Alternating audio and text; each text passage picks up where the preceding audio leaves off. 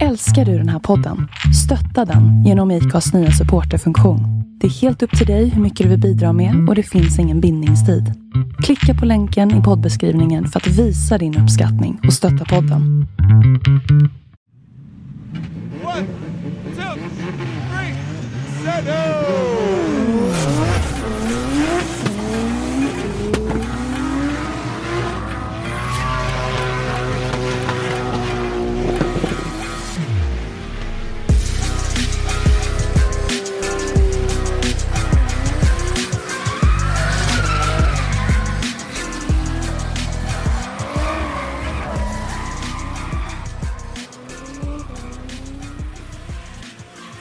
Hej och välkomna till ett nytt avsnitt av Driftpodden med mig, Henrik Andersson. Christer Hägglund och Robban Strandberg. Tjena grabbar, allt bra? Ja, jo då vars. Tre gringos är samlade igen. Yes. Ja, du ser. Jag har till och med inte ens ont i tummen längre. Efter allt swipande. Hur kommer man vidare om man inte vill swipa? Jag har ingen aning. man? Kanske kan swipa åt andra hållet. Tycker man, äh, det var något äckel. Men väljer man bort då Ja. eller väljer man inte alls? Jag har ingen aning. Nej, men eh, Jag tror, jag vet inte. jag tror det kan bli ett jävla liv hemma om jag skulle installera Tinder ur en sån research. Men du, vet du att jag hörde nyligen om en eh, kompis till en som jag känner rätt väl. Som hade hittat sin kille på, eller det var någon kompis till någon, någon, någon annan sådär som hade hittat den här upptagna mannen på en sån där tjänst. Och, och, och du har helt rätt. Det blev tydligen lite spänd stämning i hemmet. Men hur hittade hon? Nej, det var en kompis till henne Jaha, som okej, hade okej. sett den. Ja, Eh, så att eh, det blev eh, Det jag, tror, jag tror du gör rätt, speciellt du som är gift med en finsk kvinna. Ja, kanske, jag tänkte säga det. kanske man är lite extra försiktig. lite, lite mycket nifen. Så. ja. Ja, nej. Lite vassa pekapparater där. Ja, liksom. ja. ja, nej. Och min, min vän Daniel, han är ju tillsammans med en, en flicka som har nationaldag idag. Så man får, nu, är, ja, nu kommer det här ut mycket senare då. Men idag när vi spelar in det är det 17 maj. ja, jag har ju visat sig vara fjärdedels eh, norrman jag också så att eh, Vi får väl säga ett fjärdedels grattis till dig då. tack. Det Eller- var ju så att min mamma växte ju upp och inte visste vem hennes pappa var. Ja, men vi fick, fick ju reda på det här för några år sedan och då var ju han faktiskt eh, eh, uppvuxen med rötterna i Norge men bodde i Sverige sedan i många år. Någon, jag känner lite connection till så du är någon typ av gatukorsning? Är det det? Ja, eller så säger vi som eh, engelsmännen brukar säga på 4th of July. Happy Treason Day. Ja, ja, precis. Ja. ja, Ja, kan det är lite roligt. Jag, jag brukar ju dra mina historiska anekdoter. Det är ju lite roligt så här att Napoleon startade krig, Danmark var med och Sverige var på andra sidan och Frankrike förlorade kriget. Vi ger Norge till Sverige för att Frankrike förlorade. Ja, ja. Så här, Ja, det- vi, vi ja. tar det av Danmark och ger det till Sverige istället. Logiken är ju lite så här. Frånvarande. Ja. Ja. Men, men Norge känns ju liksom, eh, när, det enda som blir skillnad när du åker in i Norge, ja, det är att det är lite annat uttal på språket. Har mycket Ja. elakare fortkörningsböter. Finland Ja, och Norge är ju inte att leka med. Jag, jag ska ju sitta på höger sida i bilen när man åker i de länderna. Jag Ja. kommer ihåg eh, första gången jag åkte upp till Vålebanan. Och så, så var det, har de en kiosk mitt, mitt där. Mm. Man går förbi så ska man köpa våfflor. Sen Mm. morgonen när jag kom så hade de precis nygräddat. Åh, nu ska jag köpa våfflor. Så ska jag köpa sylt och så ska jag köpa grädde. Så jag beställer in det där och det ligger ju något vitt där. Men det är ju inte grädde. Jag vet inte vad det är, men det smakar beskt och surt. What? Det Mm. blev gott efter ett tag. typ men alltså- gräddfil eller någonting sånt där? Äh, ja, jag vet inte. Det måste vara något, någonting. För det verkar vara väldigt populärt just i Norge då. Oj, Här får vi tror jag be våra norska lyssnare om Ja. hjälp. Vad är det Ja. som Henrik har fått på sin uh, våffla? Det kanske vi inte vill veta. Jag tog ju, jag trodde, jag trodde det var grädde så jag bara Ja, ja, ja. sleva på det. För övrigt har vi ju sagt många gånger, för övrigt Vålerbanan ett väldigt trevligt ställe och vi kommer väl dit lite längre fram här i, Mm. i programmet så kommer vi att prata lite grann om Mm. Våler. För det är ju precis på gång här så att eh, men jättetrevligt ställe. Men ska vi börja med den här farmarserien till Demek? Ja men det kan vi väl göra. De hade väl någon liten tävling va? Ja, Ja, ni, men, ja, ni menar den där B-serien där borta? någonstans. FD. Ja. Inte det Fa- Farm DMEC? Står det inte för det? Ja, nej, vi ska ju inte ta bort det. Jag tycker att Ja. eh, våra norska vänner bland annat eh, gör eh, bra ifrån sig där borta. Eh, för det mesta. Jag tycker fortfarande det är jättekul att eh, Simon Olsen är där och gör eh, bra ifrån sig och Ola också likadant. Fredrik har vi ju vant oss vid eh, och förväntat oss mycket av så att man tyvärr får vi väl säga så, så Alltså jag gläds åt hans framgångar också men det, men det är lite mera förväntat ändå. Som, Men i helgen visar jag, eller så helgen som var visar jag att han är mänsklig i alla fall. ja, Så det gick ju, för, för, vad ska man säga, det gick sådär dåligt kan jag inte komma på att det har gått för han på bra länge. Nej. Hur ska vi, ska vi ta det där lite från början eller? Jag, jag har ju bara, jag kan ju erkänna att jag har ju bara skrubbat igenom topp 16. Jag såg lite i kvalet och sen skrubbade jag igenom topp 16 för de har ju, de har ju de, är ju lite, de har ingen hyfs där borta. De fattar inte när folk ska upp och jobba dagen efter och visa Nej, mitt precis. i nätterna. Liksom. Det är inte klokt. En, en, en, en sak jag reagerar på, det, det var det här, de har ju börjat med ett nytt system. Som visar, De här diesellamporna i rutorna. ja precis, de visar ju- han förklarade, det är ju inte gasen Nej, de visar. det är ju typ en liten G-mätare som sitter i, Ja. Ja, i bilen där som känner av. Och det, ja, det, en, det skedde en liten incident där under helgen som jag, som jag, som jag varit ganska rejält förbannad på när de, när de skyller på för det där har ju ingenting med hur dina hjul snurrar eller inte. Så rent tekniskt sett kan din bil falla fritt och ge utslag som, för acceleration i det där. Du behöver inte ens ha fyra hjul på din bil. Du kan, ja det är, det är G-kraften. Ja. Liksom. och ändå så skyller de på att hans hjul inte snurrade tillräckligt fort. Och så bara, ah, vänta här nu. Ni har själva satt det här systemet i bruk. Ni borde kanske själva använda Ja, fast eh, det där är ju lite samma som att dutta på handbromsen eller, eller någonting. Mm, att man, nej. man, man bedömer ju kanske som en style. Nu vet jag inte vad det var i just det här specifika fallet, men att man dömer det som en style-grej.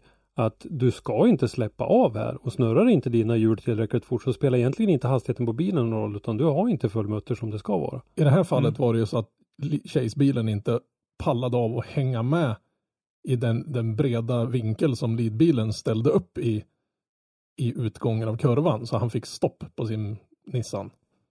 Mm. Eller om det var en Corvette, jag kommer inte ihåg vem det var. Men i alla fall så, Mm. så det har varit lite lack över att de ena, ena bilen, därför går det bra att göra exakt samma sak. Ja men det är lös grönt i framrutan, då är det okej. Men andra gången när någon annan gör det och det beter, beter sig exakt likadant, då skyller de på att nej men han hade stannat för mycket så det var hjulen som indikerade i, belys, ja, i diesellampan att det, så det var missvisande tyckte de. Men ja.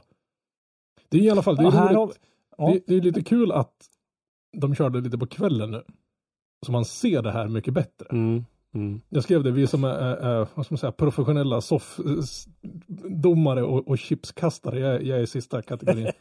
Jag blir arg och kastar chips omkring men det inte går bra. Nej men man ser, man får ju liksom en, en annan, vad ska man säga, man får mer info hemma i soffan Mm. än vad vi fick tidigare. Absolut. Sen är det här är en, en ypperlig diskussionsfråga också. För att jag tycker att det är en bedömningssport, ja, så man kan ju inte tvätta bort allting, men alltså det känns på något sätt som att det behöver ses över, hur, hur kriterierna och bedömningarna, för det är väldig variation tycker jag. Jag har, jag har min syn på det här ganska klar. Och det är så här att jag tycker att bedömarna ska bedöma på, på känslan som de har gjort förut.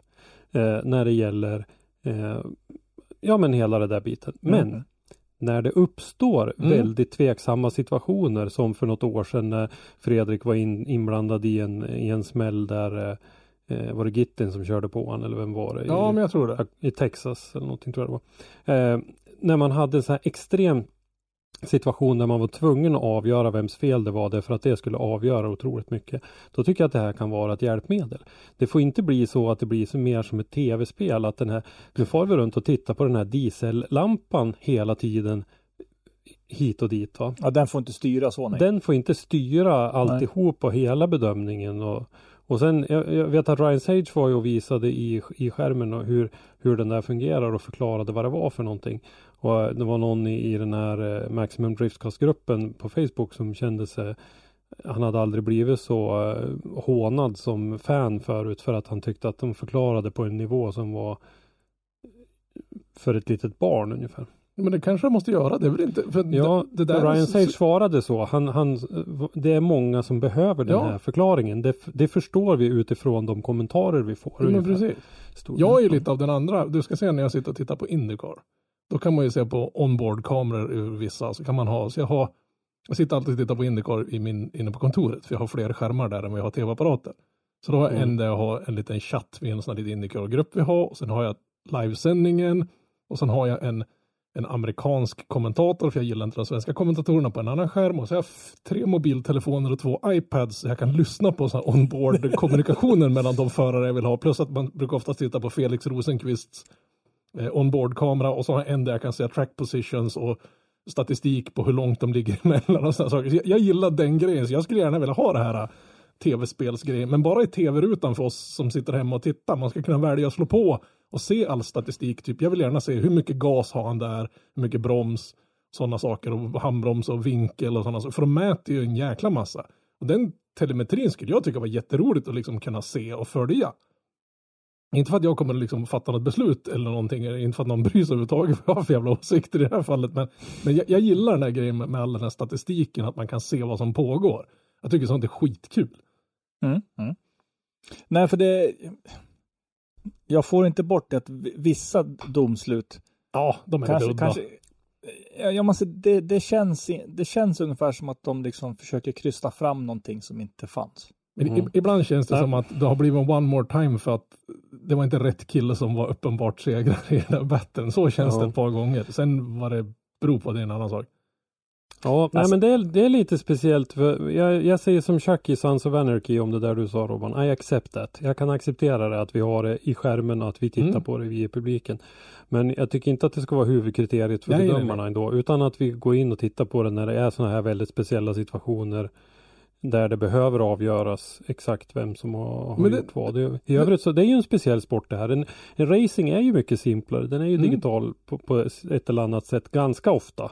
Mm. Det är väl situationer där också ibland där man behöver veta vem som har förorsakat vissa saker och så. Men, men annars är det den som är först i mål har vunnit. Och, och drifting är ju en sport som är annorlunda på många sätt. Men de har ju, vi har ju den här replay-grejen så att som i DMEC och, och likadant i våra serier också att man kan bedömarna kan gå in och titta. Är det en knivig situation där de inte riktigt vet då kan de titta på Mm. många andra kameravinklar och det här är ju ytterligare bara ett steg men de ska inte använda det primärt för att de ska inte Nej. titta ut genom fönstret och se vad de ser eller titta på en skärm och bedöma efter samma sak som, som det tittarna ser.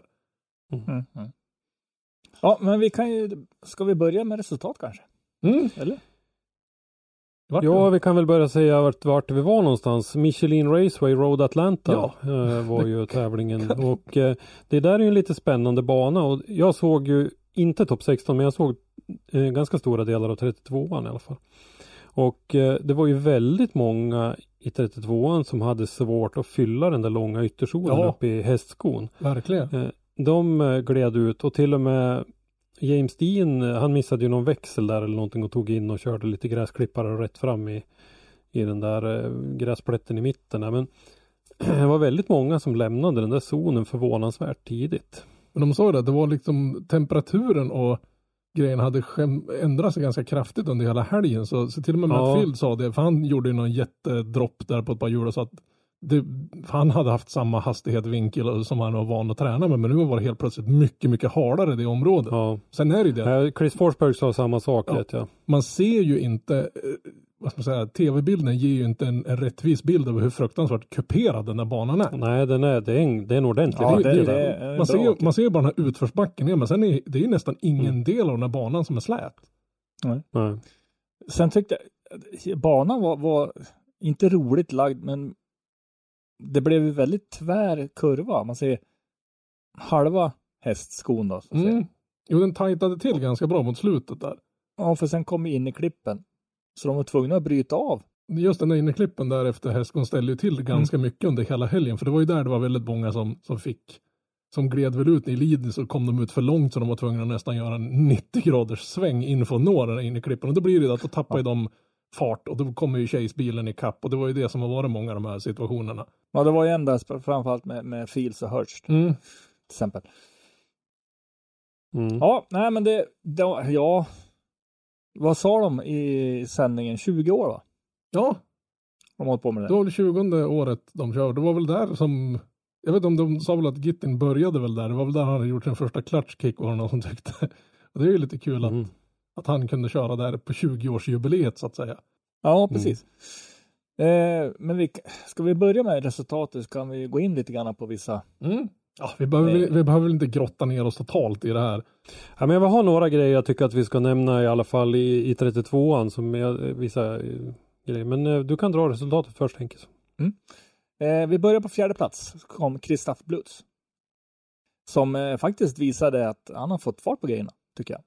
Men Mm. mannen är ju bara i största allmänhet en jävla hjälte. Man såg någon liten bild där, där han står och byter sina egna däck. Och så, så, så panorerar de runt och det är ingen i hans hotpit. Det är han, hans hotpit. De andra har typ, vad var det jag skrev, typ 40 pers och, och 50 dvärgar och sju tradare. Alltså de har nästan fabriksteam och så står den här killen i hjälm och byter sina egna bakdäck. Ja, det är hatten av alltså, vilken hjälte.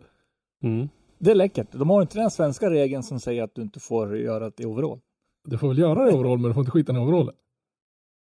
Ja, nej, du Ja. får inte ha overall på det Nej, ja, okej. i Sverige. Annars hade det varit att du får Eh. inte smutsa ner den överhuvudtaget. Ja. Trea, Odi Batchis. Eh, också en, han har varit lite i skymundan tycker jag ett tag. Men han har klivit fram mer och mer nu. Men han är ju teamchef också nu. Han är ju teamchef Ja. över Simon Olsen och Ja. så har de ju en bil i, i Pro 2 också. Men den här helgen tycker jag han klev fram och verkligen slog ner flaggan och visade att han är inte någon att, att liksom räkna bort. Det känns som att det här är den stadigaste säsongen han någonsin har, har påbörjat. Ja, ja. Jo, det är det. Tvåa kom Chris Forsberg. Efter en eh, intressant fight med då den väldigt passande Von Gittin Jr. Mm. Som på 20-årsjubileet tar och vinner också. Han var ju Mm. wildcard i helgen. Ja, dessutom. Måste det nästan varit. Eh, de är väl två eh, original gangsters? Ja. va? Jo, för han sa ju det, för 20 år sedan hade det varit omvänt. Där. Då hade han battlat mot Forsberg men han hade förlorat mot Forsberg. Så det, han tyckte Mm. det kändes jävligt gött att, att lyckas Mm. vända Ah. på det nu. Han fick sin revansch och Ja, han ja. sa ju det också att han, han saknade tävlandet väldigt mycket. han. Ja, men det, Mm. det tror sjutton. Men tänk dig själv, du har hållit på med någonting. Du har ätit, sovit, skitit den här sporten de senaste 20 åren. Du har liksom sagt upp det från allt annat du har pysslat med. Du har startat eget företag. Du har ett fabriksteam i stort sett. Klart som fan man kommer att sakna det. Man kan inte bara slå av det. Eller? Ja, nej, nej, precis. Eh, jag tänkte som sagt vi skulle kommentera några grejer och, och det var bland Mm. annat eh, eh, som jag tänkte på. Eh, Ola Jäger åkte ut mot Darren Kelly. Darren Kelly följde vi lite grann när vi höll på att titta på eh, drifting från Australien och Nya Zeeland. Mm. Han var där nere och körde på hemmaplan. Eh, sen eh, Ryan Turk eh, fick ju möta Kristaps Bluss i i eh, topp 32 där Turk var femte kvalad och Bluss var ju inte bättre än 28 men där Bluss vann. Det var lite lite oväntat ändå att eh, Turk fick lämna så tidigt. Mm. Eh, vi hade Rome Charpentier som ju gick jättebra i första deltävlingen.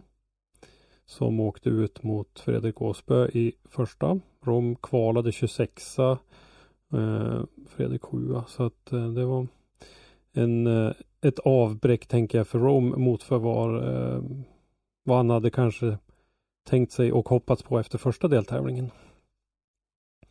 Eh, vi hade Dean eh, vann mot Beecham och eh, eh, sen hade vi i sista batten då Simon Olsen som åkte ut direkt mot Jeff Jones tyvärr.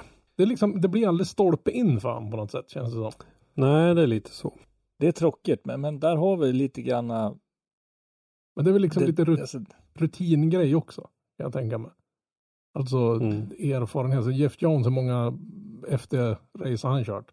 Ja, han har varit med i flera år, så att jag menar Mm. det. Ja men det är det jag menar. Det är, liksom, det, kommer, det är inte en serie man bara åker över och så är man världsmästare första året. Eller? Det, det kommer Nej, nej, verkligen inte. Men jag tror att eh, Siemens val att köra i, eh, i Odis team är nog ingen dum idé. Nej, fasen är det. Och få den här stöttningen och, och det här. Nu har jag inte tittat jättemycket på hur han kör i den här bilen jämfört med, med sin Supra. Men, men eh, rent principiellt att få komma till det där teamet och, och vara med där känner jag måste ju vara en ganska stor fördel. Men det ser ut som han, han är mer bekväm i den här bilen. Eller så att den här bilen är ju åderbyggd, åderfjädring. eh, Det är en Mm. väldigt meriterad förare och bilbyggare som har byggt bilen åt han. Och det kan Ja, men jag tänker på det här, vi, vi pratar väldigt mycket motorer och, och, och effekter och grejer och sådär. Men det här med dämparinställningar och grejer är ju fortfarande Ja. en, en hel vetenskap. Och där är ju någonting som Audi verkligen kan, eh, som jag tycker det verkar. Och, och han har data, som du sa, det var 20 året de körde här nu. att, Mhm. Det finns en hel del data att falla tillbaka på för de här som har varit med ett tag. Jo, och sen när man är en så pass meriterad förare som Audi är också, så han vet ju när en förare kommer in och säger att den känns lite sådär. För det är en sak att ha en bra förare och så är det jättebra tekniker. Nu är ju din tekniker även en jävligt bra förare. Så han snackar ju liksom verkligen samma språk som dig, så det kan ju vara lättare att få någon setup där. Men sen ny bil, det kommer ju alltid ta tag innan man vänjer sig vid den också på samma sätt. Mm. Jo, och jag menar, sen har du också det, den kompetensen och, och den, alltså mentorskapet som Odi kan ge sina, Mhm. Mm. är ju enormt ju. Det verkar vara en ganska schysst snubbe i största allmänhet faktiskt. Ja. Mm. Ja, vi lite familje, också. familjeföretag också. Mm. Ja. Ja, förlåt Henke. Nej, eh, när vi är inne och kollar på, på bil så tittar vi till exempel på din. Och där märker vi också det här med att lära känna bil, bli Han har väl van, ingen bli bil? van- Han har en. Ford. Ja, han har Ja, en båt. Han har en prom. En, en halv Silja Line. Ja, men alltså de är ju bisarrt stora de hela bilarna. Man såg bättre mot Asper. Jag menar, S- Aspers bil är inte egentligen en liten bil om man hårdrar det. Om man sett en sån här i verkligheten, det är inte någon liten jävla Fiesta vi pratar om. Men den Ja, nej, ser nej. ut som en handväska i närheten av Deans Mm. jättefläsk Mustang. För om man tittade på hur Dean körde, framförallt i topp 16 sen, det var inte alls som han brukar köra. Nej, Så att han känner nog att liksom att, ja, jag måste nöta. men det är ju det. Det är, det är en jäkla skillnad mot det han har kört. Jag menar sina egenbyggda bilar och den här HGK-bilen som är det finns ju inte en skruv på de där bilarna som han inte har varit och pillat på minst tio gånger. Han vet att varenda sak sitter exakt. Han, han är ju ganska pedantisk och hans bror som bygger motorer är ju lika pedantisk. Mm. Menar de två bygger ju, ja de, de, du du kan ju omöjligt bygga en bättre bil åt din än vad de två gör. Och sen nu kliva in i en bil som första gången den här bilen har ratten på den sidan i hela världshistorien till att börja med. Och sen är den ju avsevärt mycket större, en helt annan typ av drivlina. Eller powerplant. Dynamiken, allting. Ja. Ja, ja men precis. Det är en jävla skillnad på. Så det kommer nog ta en stund tyvärr innan han blir lika bekväm som vanligt. Om man nu ens blir det. Det är ju inte säkert man blir det. Ja, Förr eller nej. senare når ju även han en, en, liksom en gräns där han inte kan anpassa sig mer än vad, än vad bilen klarar av. Mm. Men jag kommer ihåg den här videon för, det var väl ett tag sedan nu, när man fick följa med när Dean vägde sin bil han byggde i garaget. Han ställde vågarna. Jag, Jag tror, tror han har inte ju- Mustangen har det. Jag tror han har Liksom. gjort det med flera. Ja, han gjorde ju det med BMW när han byggde Ja. om den HGK BMWn. Byggde han ju om så att han fick den här viktfördelningen procentuellt exakt som han ville ha den. Vi snackar på Men ental procent alltså. Men det var då han höll på att flytta batteriet decimeter för decimeter bara för att det skulle stämma bättre Ja, överens ja, med hans ja. fördelning. Frågan är, det kan vi ställa ut till er som lyssnar och som skruvar mycket bil och sånt där. Eh, ju längre hjulbas du har på, på bilen, är det med och spökar när det kommer till viktfördelning? Eller är det lättare att få den? För jag tror, jag tror att din vill ha centralt, alltså 50-50.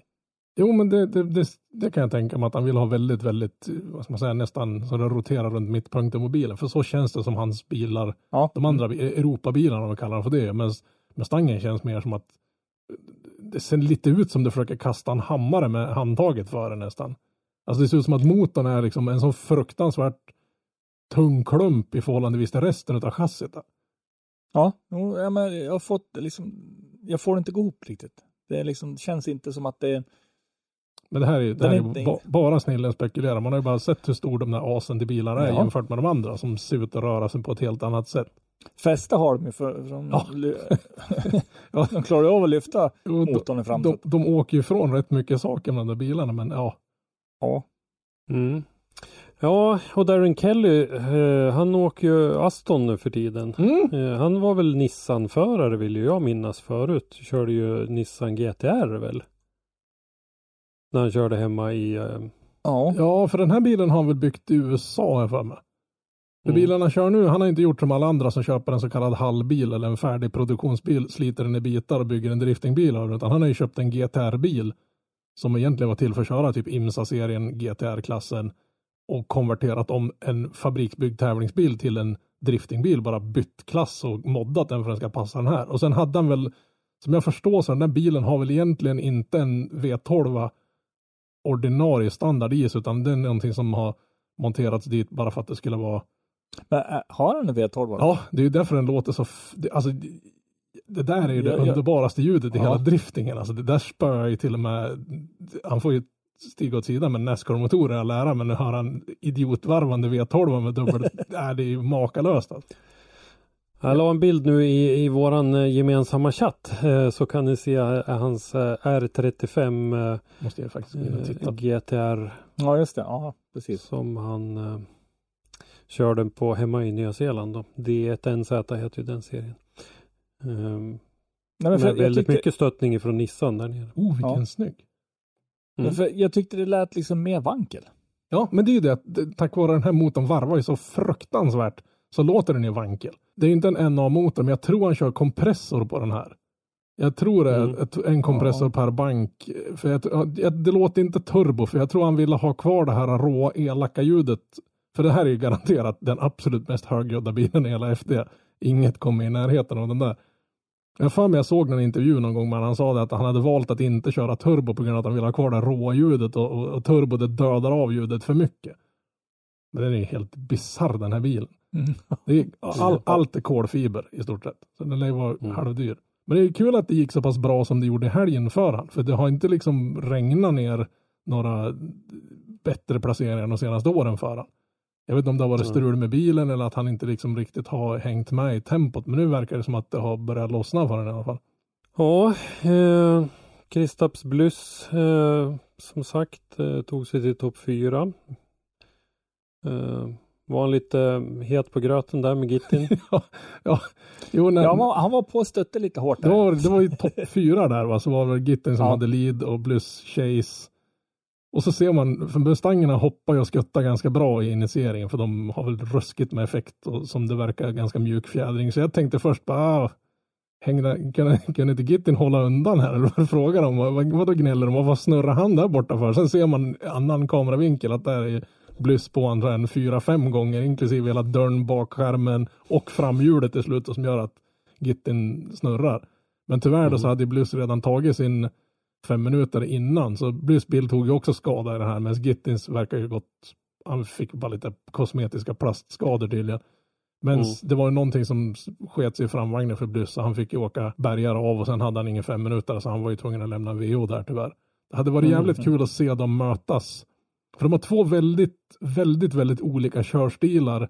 Den ena är mera stor, vräkig, bara häng ut den på tvären, medan Blyss känns mer som en så här, lite, lite Aspa-precision på något sätt känns det som. Så det var kul Mm. att se de där två i en duell ordentligt någon gång och se de där två helt skilda skolorna av körning och bil och se hur det skulle gå. Mm. Mm. Och så hoppas jag att han får några som hjälper han i teamet. Han och Erlandsson behöver, Ja. behöver mer teampersonal, det är bara att inse. Men det är knepigt för Blyss, han var väl inte med i första deltävlingen? Nej, jag tror då hade vi inte deras grejer hunnit komma Ja, men precis. vad?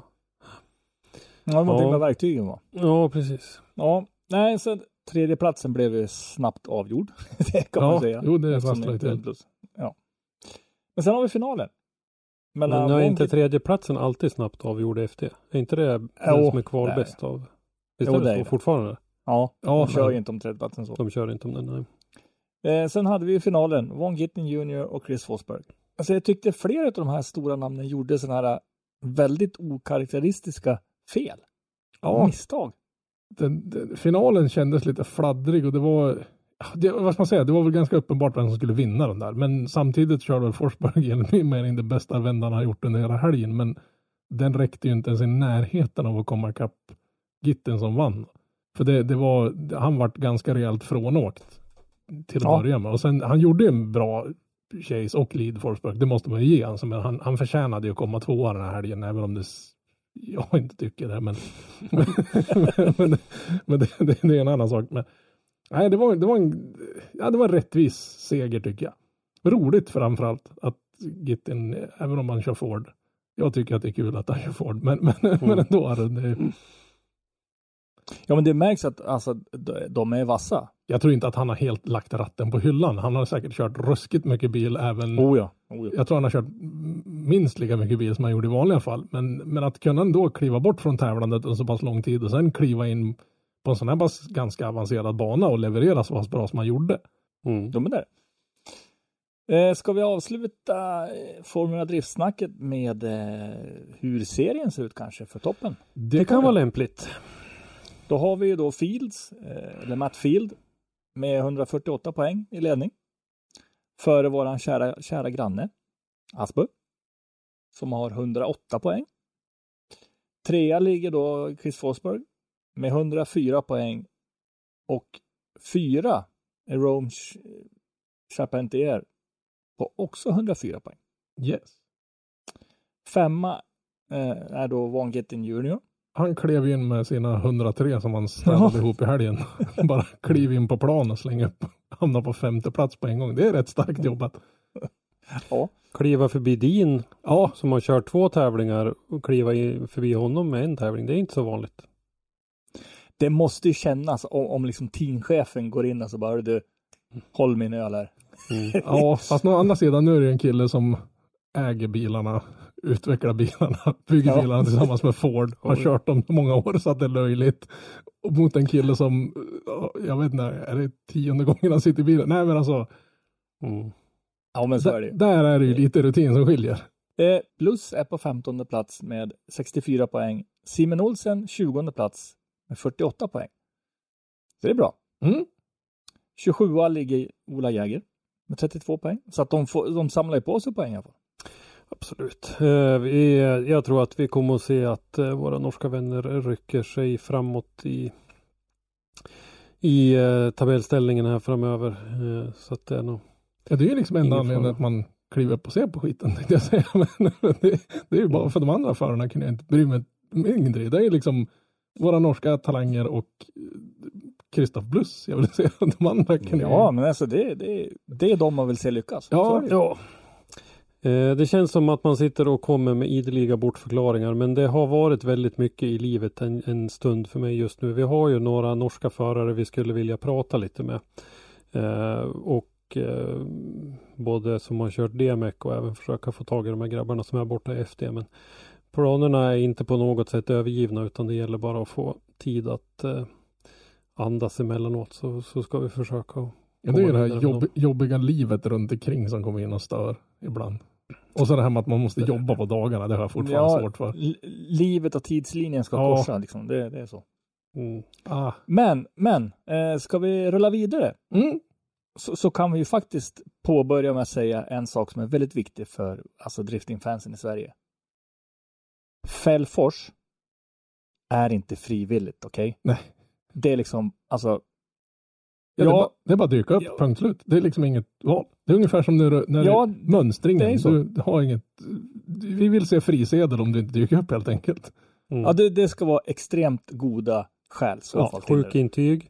Mejlas till driftspodden gmail.com. Ja, ja, men precis. Det, går, Fyra exemplar. det kan även, vad var det mer? Det är även, lapp från mamma gills inte, möjligtvis Nej. eget frånfälle. Men, men då ska det skett Ja, åtminstone minst en vecka innan tävlingen. Tveksamt, ja precis. Annars får man göra sån här, vad heter den? Bernie goes, eller vad heter den? Weekend with Ernie. Dina polare får bara släpa med upp dit oavsett om det är levande eller inte. Liksom. Men för, för att då liksom eh, trycka lite grann på det och ge en liten mer morot så har ju Jim Olofsson klivit upp. Kliva upp, Men- och sovit innan. Ja, han har så. Ja, men, han, Han, han kör virkesbil så han är Ja. fan van att kliva upp. Jag tänkte säga det. Är det någon som någonsin har sett han sova Nej? Ja. han har faktiskt gått ner från kranen på, på timmerbilen Precis. och liksom fixat så att det finns en rabatt att ta Man, till eh, biljetten. när du ska boka din biljett så finns det ett litet sån här rabattfönster där du kan skriva i. Så kan du skriva i drift 201 där. Och det är väl Jims eh, startnummer som är 201. Så har han fixat Mm. så att om man använder den koden så får man en hundring i rabatt på biljetten. Vad kostar en biljett? Den kostar 450 va, tror jag. Det är en hundring ni kan köpa någonting eh, jättegott att äta till exempel på foodcourten om den blir lika bra som den var förra året. Eller så går Mm. ni bort till Olofsson och köper en kepa. Det kan man också göra. Och stöttar han eftersom han, eftersom han har gett en hundring i rabatt. Tycker jag det kan gott gå och handla hos han. Ja, men vi, ska, vi, vi kanske ska säga det också att ni som tar er dit nu då. Nu är det obligatorisk närvaro, det vet ni. Ta er dit och försök att stötta några av våra förare. Vi har ju lite olika eh, möjligheter att göra det. Vi har ju sett till exempel att eh, Jocke Andersson har ju kört igång den här kanalen för betalande Mm. eh, där han bjuder på lite mer innehåll och sådär just för att få in lite pengar till den här satsningen. Och de kommer ju även att att sälja lite merch och, och sådär. Eh, Jim är ju ganska stor och, och, och van vid den biten men även några av de andra har ju börjat lite grann med sånt där. Försök att stötta lite grann och, och köp någonting av dem och se Ja, man, hjälp till lite. man, man kanske inte tror det spelar så stor roll om man tänker om jag köper en hoodie. Men om det bara är en människa som köper en hoodie, ja fine, då gör det kanske inte så mycket. Men Om, låt säga att en av de hundra som har resonerat likadant, det, det är rätt mycket klirr in i kassan ändå. Jag menar Absolut. varenda liten krona. Det här måste ju vara, ja, vad var han sa gubben där, som en, han försökte få sin drifting-grabb att övergå till dragracing för det är billigare. Alltså det är helt Jaha. bisarrt liksom. Ja. Nej, och vi såg ju bland annat eh, i race-rapporten som vi eh, läste upp från Jocke Andersson ifrån Mondello så hade ju han en, en tjej med sig dit som sålde lite eh, någon sån här energidrycksaktigt bland annat och sådär. Så att eh, det, det blir nog bra. Och sen eh, eh, Eh, Pontus Hartman och Jocke just har ju börjat med ett annat initiativ också. Hartman och Jocke har drag, gjort ett litet VIP-paket som de har satt ihop där. Så man, tänker att istället för att gå på, vad heter den, på, på Stureplan och vaska en skumpa, tänker man, ah, fuck it, jag måste ändå så åka upp till Fällfors. Så då kan jag ta de pengarna och göra något vettigt med. Och Istället för bara då, det, man kan ju köpa en VIP-biljett redan från Demek och då kostar den två och ett halvt tror jag. Då ingår lite käk och sittplats och inträde båda dagarna. Men här har du ju möjligheten att få någonting som är spöar ju ärligt talat Demex lilla VIP-paket med hästlängder. För här får du ju för vad är det, 1600 kronor så får du inträde båda dagarna. Du får en sittplatsbiljett till, till den stora läktaren. Du får käk, dryck, alltså lunch, middag, lite te, kaffe, lite dryck, lite snacks och grejer. Men du får även hänga med Hartman och Jocke under hela helgen där uppe i deras tält. För de ska bygga upp ett stort tält där de har liksom sin lilla VIP-lounge-avdelning där. Så man kan liksom se världen bakom, inte bara hur det går till ute på banan utan även här får det nästan hands-on vara med i depån tänkte jag säga, men det, det ska vi inte lova att ni får göra. Men ni får liksom väldigt, väldigt bra tillgång till förarna och det är säkert inte bara Jocke och Hartman som kommer vara där, utan kommer säkert vara andra förare runt omkring som rör sig. Och det här är liksom Det, en, det är så nära team. Ja, men det, här, det, här är, det, här är ett team, upp, det här är en upplevelse, det här är inte en entrébiljett, Mm. det här är ju för fan en grej som man, man måste göra. Jag kommer ihåg när jag jobbade åt en Saab återförsäljare, så vart vi uppbjuden till STCC, eller det hette väl TCR, eller ja, NTA, ja någonting så. NTA hette det väl någonting så Ja, skitsamma, de körde med de här, alla bilar hade samma chassi, men det var olika typer av plastkrossar på dem i STCC. Och då var det ju några som körde med Team Tido hade ju Sabar och eftersom vi var så återförsäljare så vart vi uppbjudna som VIP-gäster. Då fick man ju liksom käka med teamet och såna här grejer. Och det var liksom en av de största racingupplevelserna jag någonsin haft. Det var ju skitfränt och här har ni chansen att hänga med ett ännu ballare gäng, måste jag ju säga. Ja, men jag, jag tycker att det här är fantastiskt. Ja. Det var förbanne mig det finaste jag hört sedan jag konfirmerades. Vill ha ett fikon? Faktiskt helt ärligt så är det här fantastiskt. Det är ett superbra initiativ av grabbarna och det här är ju sådana grejer som vi behöver för att kunna ta nästa steg inom den här sporten. Och nu får vi det hit till hemmaplan. De vet att vi kommer att få kunna få svenska fans eh, i, i stora mängder hit. Och de gör det här och de dels för naturligtvis, det ska vi inte sticka under stol med att de gör ju det här för att tjäna pengar givetvis. Ja. Naturligtvis för att Ja, dra in det pengar till verksamheten. Det, är- det, så är det ju. Men de bjuder ju dig som köper en sån här biljett på en fantastisk upplevelse. Och det här är ju två extremt trevliga grabbar. Inte minst. Jo, ja. Eh, så att det är och, och hel, eh, teamen runt omkring dem inte minst också. Så att eh, ja, nej men det där tycker jag låter som ett superbra initiativ och, och just det här att vi måste komma bort ifrån det här att ska du tävla på högsta nivå i den här sporten så kan du inte jobba som en gris resten av året och betala det ur egen ficka. Du måste finansiera det här på andra sätt. Och det Jo. här är absolut ett steg i rätt riktning. Men det är inte bara ett sätt att liksom finansiera den här grejen från deras sida, utan det, de, bjuder ju, de ger ju dig möjligheten att kunna, alltså du kommer ju 900 spänn billigare undan än vad du skulle ha köpt DMX vanliga VIP-biljett.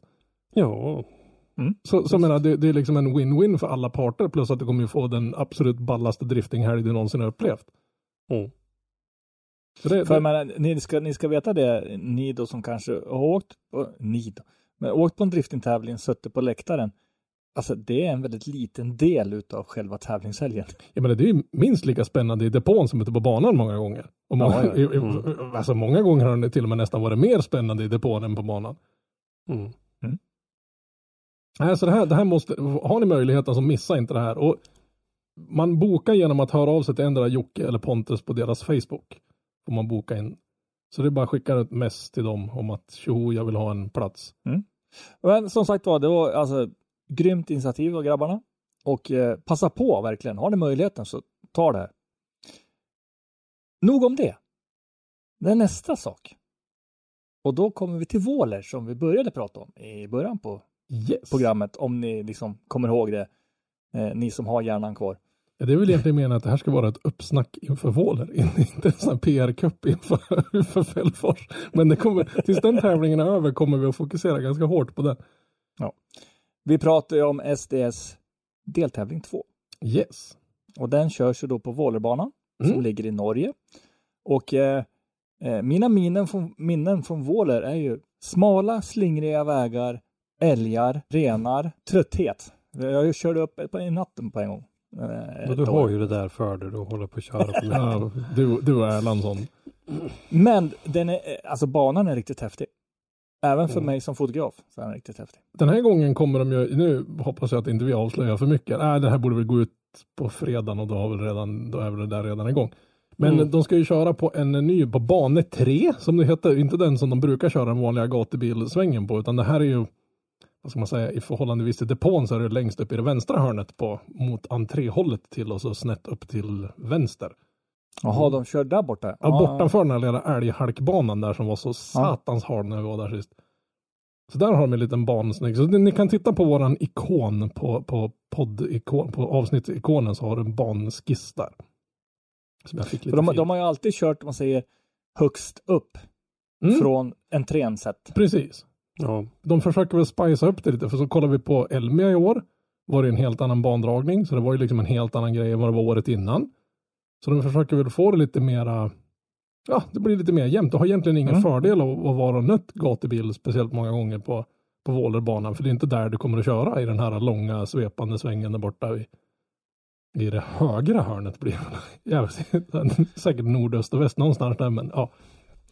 Och sen har du första initieringskurvan på den gamla banan är ju, är ju liksom en, en kurva många vill alltså glömma. Mhm. Den är lite lång. Kim. Fors till exempel, Det är rätt många som har skrotat uppe. som Ja. gick ut rätt hårt och hade sönder en hel del där. Eh, så det, det, det är bra att de ändå förändrar och det är det som är bra med driftingen för du kan ju använda en begränsad del av banan Mm. Men delar du upp banan så kan du få till väldigt många olika. Ja, men på ett, ett större område kan ju bli många banor så att säga. Så det är bra. Mm. Men vad har vi till det här då? Eh, och för oss som inte kan vara där då, tyvärr så är inte någon av oss tre möjligheten att åka dit.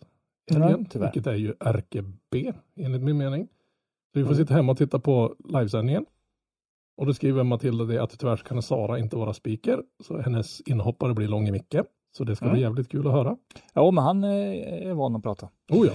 jag har hört honom. Nu var han ju tydligen speaker lite grann på Elmia också, men eh, han eh, Ska vi tänka efter här. Skara Sommarland 2018 vill jag minnas att han var speaker på Ja, det? Skara Sommarland.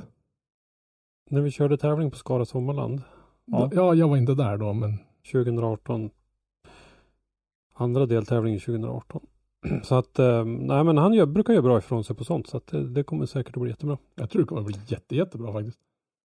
Och sen har vi faktiskt Jocke Olsson Mm. eh, som är Mm. deras ordinarie.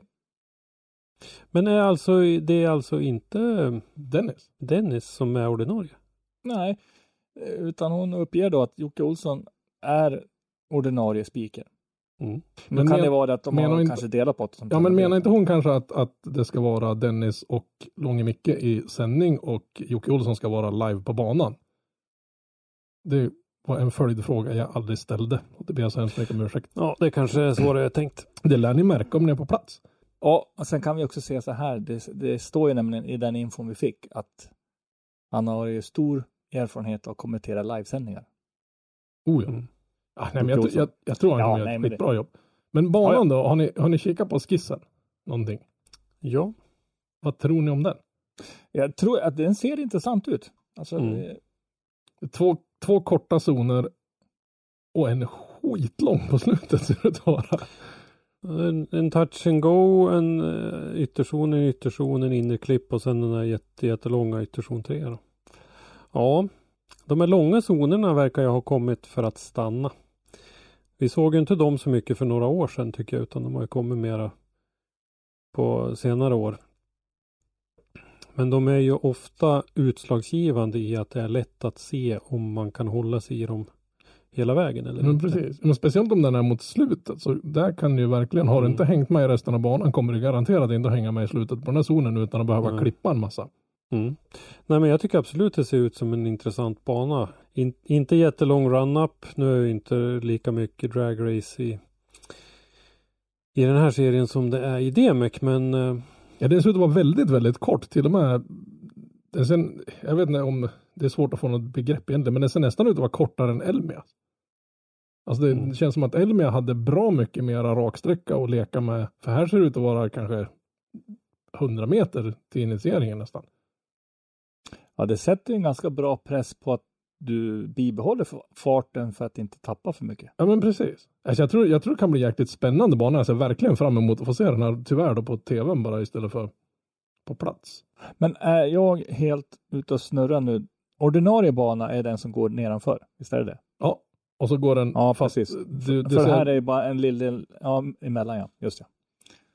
det här är så långt upp i vänstra hörnet du kan komma på området nästan. Ja, för det, det är deras övningsområde kan man säga. Ja, Ja. För, för den stora banan går ju nedanför här du ser på skissen. Man ser det lite bättre på. Vi kanske kan lägga upp någon liten sån Google Earth-bild vi kan sno lite snyggt där. Så ser man vart den här banan är i förhållandevis till resten så att säga. Mm. Ja, men jag tror faktiskt att det, du har ju du har både svepande zoner, du har snabba zoner. Den är, alltså, den är byggd ganska teknisk skulle jag vilja säga. I och med att du får inte så mycket, du hinner liksom inte fånga upp så mycket fart så du kan bara glida. Utan Nej, du nej, måste verkligen. jobba med den. Jag tror den kan vara, den- ser faktiskt lite smått svårkörd ut. Jag tror inte den är någon walk in the park den här banan heller. Nej, och har du inte hunnit fått upp farten till ytterzon 3 som är väldigt lång, ja då nu är det väl tusen hästarsklubben för alla bilarna i princip. det, det är ruskigt med effekt i bilarna nu för tiden. Mm. nej, men det ska bli intressant att se på livesändningen faktiskt. Mm. Ja det ska det absolut bli. Ehm, vi lär väl ska ha några wildcards i den här tävlingen också va? Yes. Vi har väl, eh, bortsett från att eh, Hunter Taylor. Hunter Taylor ska vara med och köra här. För hon kunde inte vara på Elmia tyvärr. Men hon skulle vara med och köra här. Och sen, men hon är väl inte ett wildcard? Hon är, Nej, hon är hon är ordinarie. Men de tre wildcardsen som Ja, jag, jag fick det till fyra ja. Ja ja, faktiskt. Tre norrmän och en svensk va? Precis. Petter Wåtland, Marcus Östby, Martin Sandaker och Filip Edberg har vi fått en uppgift om. Edberg vet jag. Ja, men det, det ska vara om någon av de andra tre har trillat bort. Men det vet jag inte. Men, men går man och tittar på startlistan så är det de här fyra som ska vara med. Ja, det ska bli intressant att se för att eh, som sagt var, det är tajt. I, ja, i alla fall topp 20. absolut. Och vi har ju, vi kan ju dra oss till minnes då resultatet och, och tabellställningen från förra gången där vi har eh, Alfred Grimberg första plats med 100 poäng. Vi har Syvertsen tvåa med 99. Vi har Mårten Stångberg trea med 93 poäng. Vi har Olav Haugen Hasdal fyra med 92. Och vi har Tony Averstedt eh, som är femma just nu då, med 80 poäng efter första. Eh, så att eh, det är 199, det är tajt där i, precis uppe i toppen. Oh ja. Mm, mm. ska bli jättespännande att se vilka som kan fortsätta att hålla i den här fina körningen eftersom vi tyckte att det var några namn som jag ska inte säga oväntade men, men det var ändå eh, kanske inte riktigt den resultatlistan vi hade förväntat oss som uh, klev fram. Det, var, det var överraskande. Ja. Det var om inte De- annat så var det en av de mest spännande tävlingar jag varit på på länge faktiskt. Det var, Ja. det var hela topp 10 kändes som att det, det var aldrig någon gång under helgen tänkte man, ah, men det är lugnt, han vinner. Den tanken Mm. passerade inte ens när, när Grinberg gick i mål. Ja. alltså det var, det var en surprise-helg.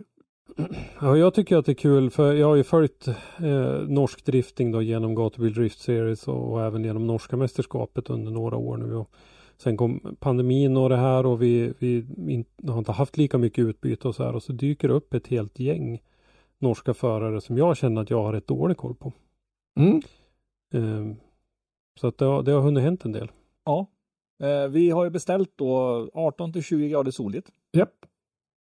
Och Det hoppas vi att det blir. Så man kan alltså, så Våler, det regnar inte konstant där. De, de gånger jag har varit där, jag var där på drifting en gång, så jag var på banracing tre gånger. Där var det spöring hela tiden. Jag har aldrig sett Våler i solsken. Inte en sekund en gång. Ja, och året innan när jag livesände eh, då brände jag upp mig nog så fruktansvärt. Alltså det kan, det kan vara sol där också. Ja. Det är inte liksom ett lokalt litet Irland, Våler, utan det, det, de har sol där också ibland. Nej, då tror jag det var sol. Alltså det kom inte en droppe på hela helgen. Ja, det är både... Fast nu skulle det vara lite varierande. Det skulle vara ganska schysst eh, temperatur och så skulle det vara lite molnigt så här. Men det var inte som jag har sett idag när jag beställde vädret så såg det inte ut som jag... Det fanns inte med i, i dropdown-menyn där man bestämmer vilket väder det ska vara. fanns inte regn med alls. Det var liksom Ja, det utgråat Ja, helt där. Så det känns ju positivt. Eh, nä, nästa uppmaning då till er som tävlar. Anmäler till Cash Graven. Precis. Sundsvall Raceway. Den är... Mm. När då? 3 juni. De hade kapat ner den till... Ja, och det är väl inte riktigt bestämt va, tror jag. Är det Ja, de- tredje och de fjärde ligger över- juni man har sagt men Ja, det var väl det jag hörde var att den är nedkapad från andra till fjärde till tredje och eventuellt beroende på hur många som anmäler sig så kan det bli den tredje och fjärde. Men det hänger Så lite kanske. på hur många det är som anmäler sig dit. mm. Mm. Så det kan bli en endagars, det beror Ja. lite grann på men eh, Ja, men det är ju dumt att dra ut på det om det inte behövs så att säga. mm. Också även ett, ett väldigt bra tillfälle för att till exempel få en eh, test and tune-dag med chans att kunna vinna pengar. Precis, jag tror prissumman är uppe, det är väl en bit över 19 000 Ja, tror jag precis. sist jag hörde. Ja. Så att det är ju ändå en summa pengar. Ja, ja det är väl inte fy skam. Det är många andra driftingtävlingar hovar hem 19 papp på. Nej, men det Nej. vore ju, vore ju jävligt kul om det kunde dyka upp lite fler människor där. Sen har vi också det att eh, åker ni upp då till Cash Graven och kör där och ställer in bilen ordentligt så ser ni till och så anmäler ni till SM. Har ingen nytta av den setupen på den banan. Det är två skilda banor. Ja, ja. Jo, jo, men ja, jo. Men, men du, har, du har kört dig varm i bilen. Ja, ja, i regionen. Du, du, lärde Ja. hit, du lärde hitta i Västernorrland, är det det jag försöker Ja. säga? Typ. För det är typ bara en månad efter. Yes, vad är det, 7-9 juli va? Ja. Mm. Och där är det bara att anmäla sig. Jag menar, har du en bil och en licens så är det bara att anmäla sig och vara med och köra. Det är en Licens, tävling. Alltså, bara köra. fatta, du behöver bara jobba hårt en dag för att ha chansen att vinna ett SM-guld. Inte Mm. hålla på och rodda en hel säsong, utan här är det Helt pang. Det är lite som i Norge. NDC 2023 går i Lillesand den 2 juni. Fredagen den 2 juni avgörs den norska mästerskapen. Facebook-evenemanget säger andra till tredje juni, men det är ju um, regardless. Mm. Och eh, Lillesand som sagt. Och då kör de ju kvalet det på, på fredagen. Visst är det där de har den där fräna klättertornet i mitten? Ja. Man startar ut för en utförsbacke. Och så är det... Ja, fan har vi inte varit dit för? Dålig planering. Det var ju det här med att det var någon i Kina som käkade en fladdermus och så hela igen. den där biten. De verkar ju fortfarande är- äta fladdermöss där borta, men det är en annan historia. Mm. Ja, de verkar ju knapra det där som det skulle vara något nå godis, Yes. tycker jag. Men ska vi sammanfatta lite grann? Det blir ett avsnitt fullt av uppmaningar det här. Men eh, alltså anmäl er till SM, anmäl er till Cash Grab om ni Förare. kör, om ni är förare. Är ni publik så är det obligatorisk närvaro på DMEC. Och känner ni att ni vill ha en väldigt, väldigt speciell upplevelse så tar ni kontakt med Pontus Hartman eller Jocke Andersson och köper deras VIP-paket. Vi ska inte favorisera någon så kommer det någon fler som har liknande lösningar med VIP-paket och grejer så kommer vi givetvis att promota även dem. Oh ja. Eh, så eh, inga orättvisor på det sättet men eh, när ni väl är på Fällfors så tänker ni på att köpa en tisha, en kepa eller en hoodie eller någonting av de här team, svenska teamen som är där och, och hjälper till och stöttar dem lite grann så att vi hela den här svenska driftinggemenskapen hjälps åt och skapa bra förutsättningar för förarna som eh, försvarar våra färger på ett så fint sätt ute i Europa. Ja, för kan inte de fortsätta med det här, då har inte vi här kul tävlingar att åka på. Det är liksom, det, det hänger, Nej, det, det är lite, ligger lite i egenintresse också att stötta dem. Och det är lite konkurrens nu om de här tävlingarna i DMEC. Det finns flera länder som vill anordna dem och vi försöker och visar att våran tävling den ska stanna i Sverige. Vi sluter upp mangrant. Vi har fem bra förare nu som är med. Vi får se till att publiken visar att vi, vi vill att vi ska ha en tävling i Sverige. Vi har ju lite konkurrens mot, mot Finland. Vi vet ju att redan Ja. nu att det finns ju inga biljetter går till Finland som det lät. Mm. Det finns ju inte ett hotellrum att uppringa i närheten. Det är fullbokat. Och vi såg ju i fjol uppe i Fällfors att det var ju Finland som vann läktarstriden. Det var ju Mm. hands down. Det var inte ens roligt. Ja, det måste vi ta över. Alltså. Det Det var, går vi vart ju ägda totalt av finnarna där. Men Mm. så i år måste vi satsa på att vi ska ju ha fler svenskar på läktaren med svenska flaggor som hejar på våra förare än vad finnarna har. Ja, absolut. Det är ju Det- obligatoriskt. ja. Så vi kommer ju ha köra det då innan första start går. Så kommer vi ha uppräkning. Vi har ju samlat ihop en lista nu på alla samtliga driftingintresserade i Sverige. Så Christer ska stå där och, och bocka, Och bocka av. Bocka Ja. av. Det är hand, inte- Vi skulle väl ta det där lite lugnt. Vi hade ju det här med Datainspektionen vi skulle försöka. Visst fan.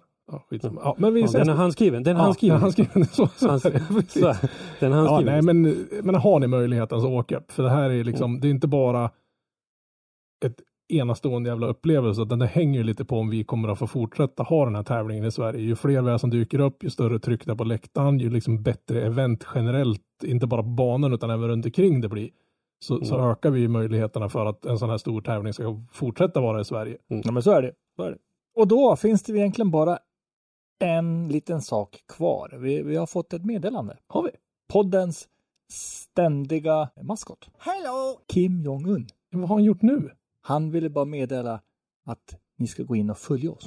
Det är så alltså. jag, trodde, jag trodde det var någon snack om att han var orolig för nu ska ju Kronofogden anställa personal i Nordkorea. Så nu är det dags att pynta för de där Volvo 140 han har snott. Ja, du ser det om där. Ja. Nej, han, han, han ville bara meddela liksom, li- lite snällt men, men, men hårt med hela handen att liksom, följ oss på Facebook och Instagram. Vi finns där eh, under Driftpodden och följ oss även på Motorsportmagasinet. Om inte annat, ha det jättebra. Se till att boka allting, se till att anmäla er och gör allting och stötta oss i vått och torrt. Och när jag säger oss så menar jag Drifting Sverige. Ha det bra. Hej då. Hej då. Tack för att du har lyssnat. Lyssna gärna på våra tidigare avsnitt och glöm inte att ge oss betyg i din podcastapp. Har du ett ämne eller en gäst som du vill att vi tar med i Driftpodden så skicka oss ett meddelande på Driftpoddens eller Motorsportmagasinets sociala medier eller skicka ett mejl till oss på driftpodden.gmail.com. I dagens avsnitt har du hört Henrik Andersson, Christer Hägglund och Robban Strandberg. Ljudpåläggning och slutmix Robban Strandberg.